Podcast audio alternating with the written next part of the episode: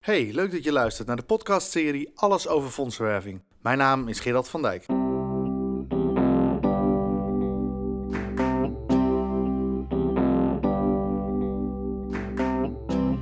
Je luistert naar een podcast van Krantio Fondsenwerving.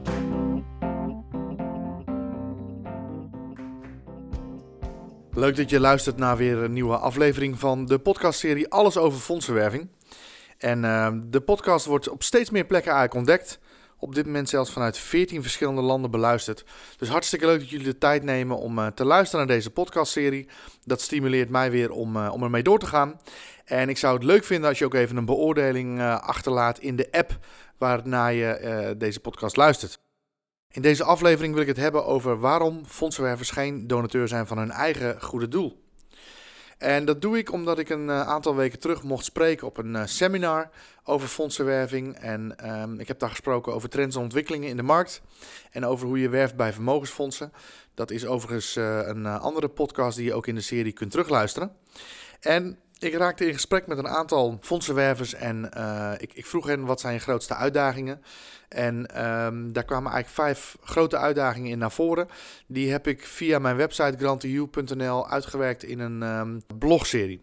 Dus als je die wilt teruglezen, ga even naar de website grantiu.nl, klik op blog en uh, lees wat de vijf grootste uitdagingen van die fondsenwervers zijn.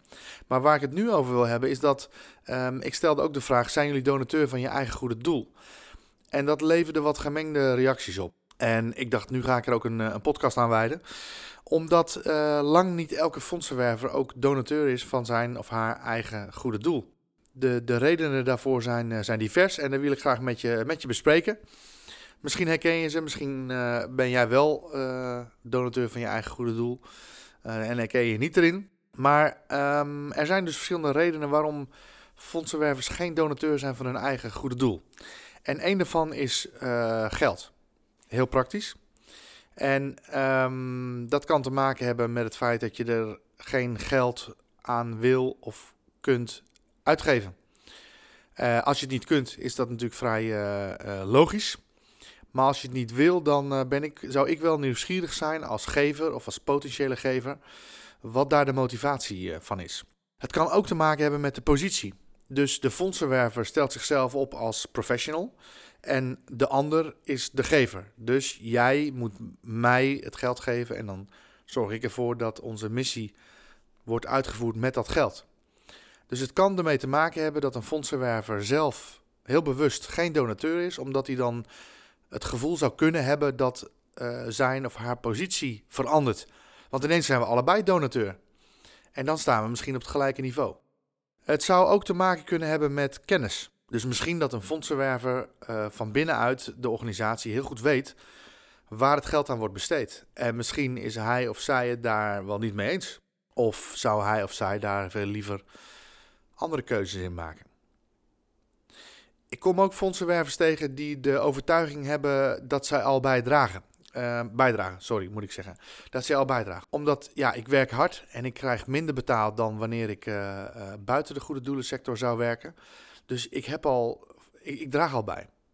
En dat is dan voor hen een excuus om niet donateur te zijn van hun eigen goede doel. En wellicht zijn er nog meer redenen. Dit zijn de argumenten die ik heb gehoord van fondsenwervers die geen donateur zijn van hun eigen goede doel. Misschien zijn er nog wel tien te bedenken, maar eigenlijk vind ik het ook niet zo interessant. Wat ik veel interessanter vind, is de redenen waarom je wel donateur zou moeten zijn van het doel waar jij fondsen voor werft. We kennen natuurlijk ook allemaal uh, het verhaal van de gladde verkoper. Uh, je kent het wel, je gaat iets kopen, stofzuiger of spelcomputer of, of nou, wat het dan ook is. Het zijn meestal die witgoedzaken waarop de verkoper zegt, ja, ik, ik heb deze zelf ook en ik, ik wil nooit iets anders meer. Nou, dat soort, dat soort gladde uh, verkooppraatjes, daar, uh, daar houden we natuurlijk niet van. Maar als, als, fondsenwerver, als fondsenwerver verkoop je betrokkenheid. Dus je, je nodigt mensen uit om uh, mee te doen met de missie van jouw goede doel, van jouw prachtige goede doel. En hoe kun je nou betrokkenheid verkopen als je zelf niet betrokken bent? Dus dat is anders dan die stofzuigverkoper die uh, zegt: Ik heb mezelf ook en ik zou nooit meer wat anders willen. Uh, dat is vaak niet geloofwaardig. En soms denk ik wel eens: Ach, zal ik eens een kwartiertje rond blijven hangen en kijken of dat hij het bij een ander merk stofzuiger precies hetzelfde zegt. En ik verdenk zo iemand daar dan van. Maar dat zegt misschien meer over mij. Maar hoe het ook zij, ik wil, en ik, ik leid natuurlijk aan beroepsdeformatie, maar ik wil, als iemand mij die vraag zou stellen, wil ik weten, wil ik proeven of dat degene die mij de vraag stelt ook zelf in hart en nieren betrokken is bij dat goede doel.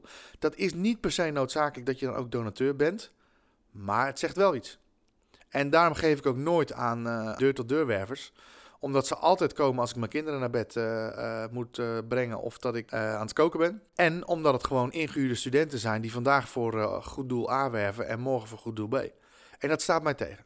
Maar vergeef me, dat is zoals ik al zei, dat is misschien beroepsdeformatie. Maar je verkoopt betrokkenheid. En als fondsenwerver kan je dat vanuit verschillende houdingen, vanuit verschillende instellingen doen. Je kan het puur zien als een baan. En dat is het misschien ook. Uh, jij hebt misschien net zoals ik ook een hypotheek en die moet ook betaald worden. Dus ja, het is een manier om je brood te verdienen. Maar je kunt het ook vanuit passie doen. En um, op het moment dat je het vanuit, vanuit passie doet, dan, dan, dan zullen de mensen waarmee je in gesprek bent, zullen dat proeven.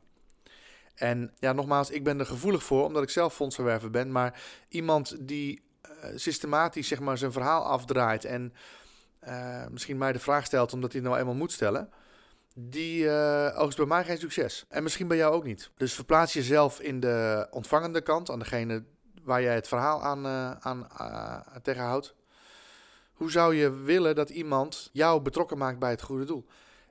Ik denk dat het alleen maar kan als het, als het vuur in jouw hart voor het doel waar je het voor vraagt ook hard brandt.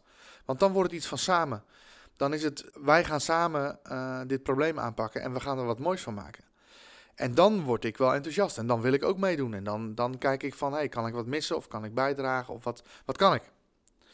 En uh, de Engelsen zeggen zo mooi, put your money where your mouth is. Nou, in, in het geval van fondsenwerven zou ik dat heel letterlijk willen nemen. Maar hoe kun je nou mij uh, ervan overtuigen dat ik geld moet geven terwijl je het zelf niet doet? Dat gaat er bij veel mensen niet in. En nogmaals, als je het niet kunt, dan vind ik dat een hele goede reden. Uh, maar dan nog zou je kunnen zeggen, ach, uh, ik ben misschien donateur voor een klein bedrag per maand of per jaar.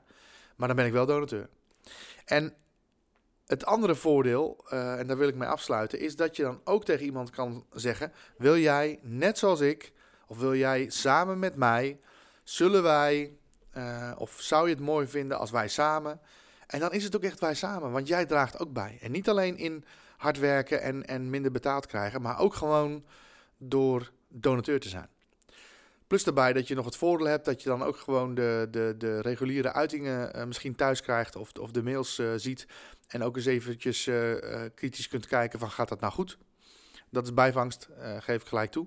Maar het kan ook heel handig zijn dat je eventjes als, als donateur, door de ogen van de donateur, ziet wat er namens jouw organisatie wordt gecommuniceerd. Als je fondsenwerver bent en je bent geen donateur van je eigen goede doel, ik hoop dat ik je genoeg uh, reden heb gegeven om, om dat wel te, te zijn. En uh, dat het jou gaat helpen in je werving om ook vrijmoediger, vrijer anderen te vragen: doe met me mee. In deze aflevering hebben we stilgestaan bij de redenen waarom fondsenwervers geen donateur zijn van het goede doel waar ze voor werken.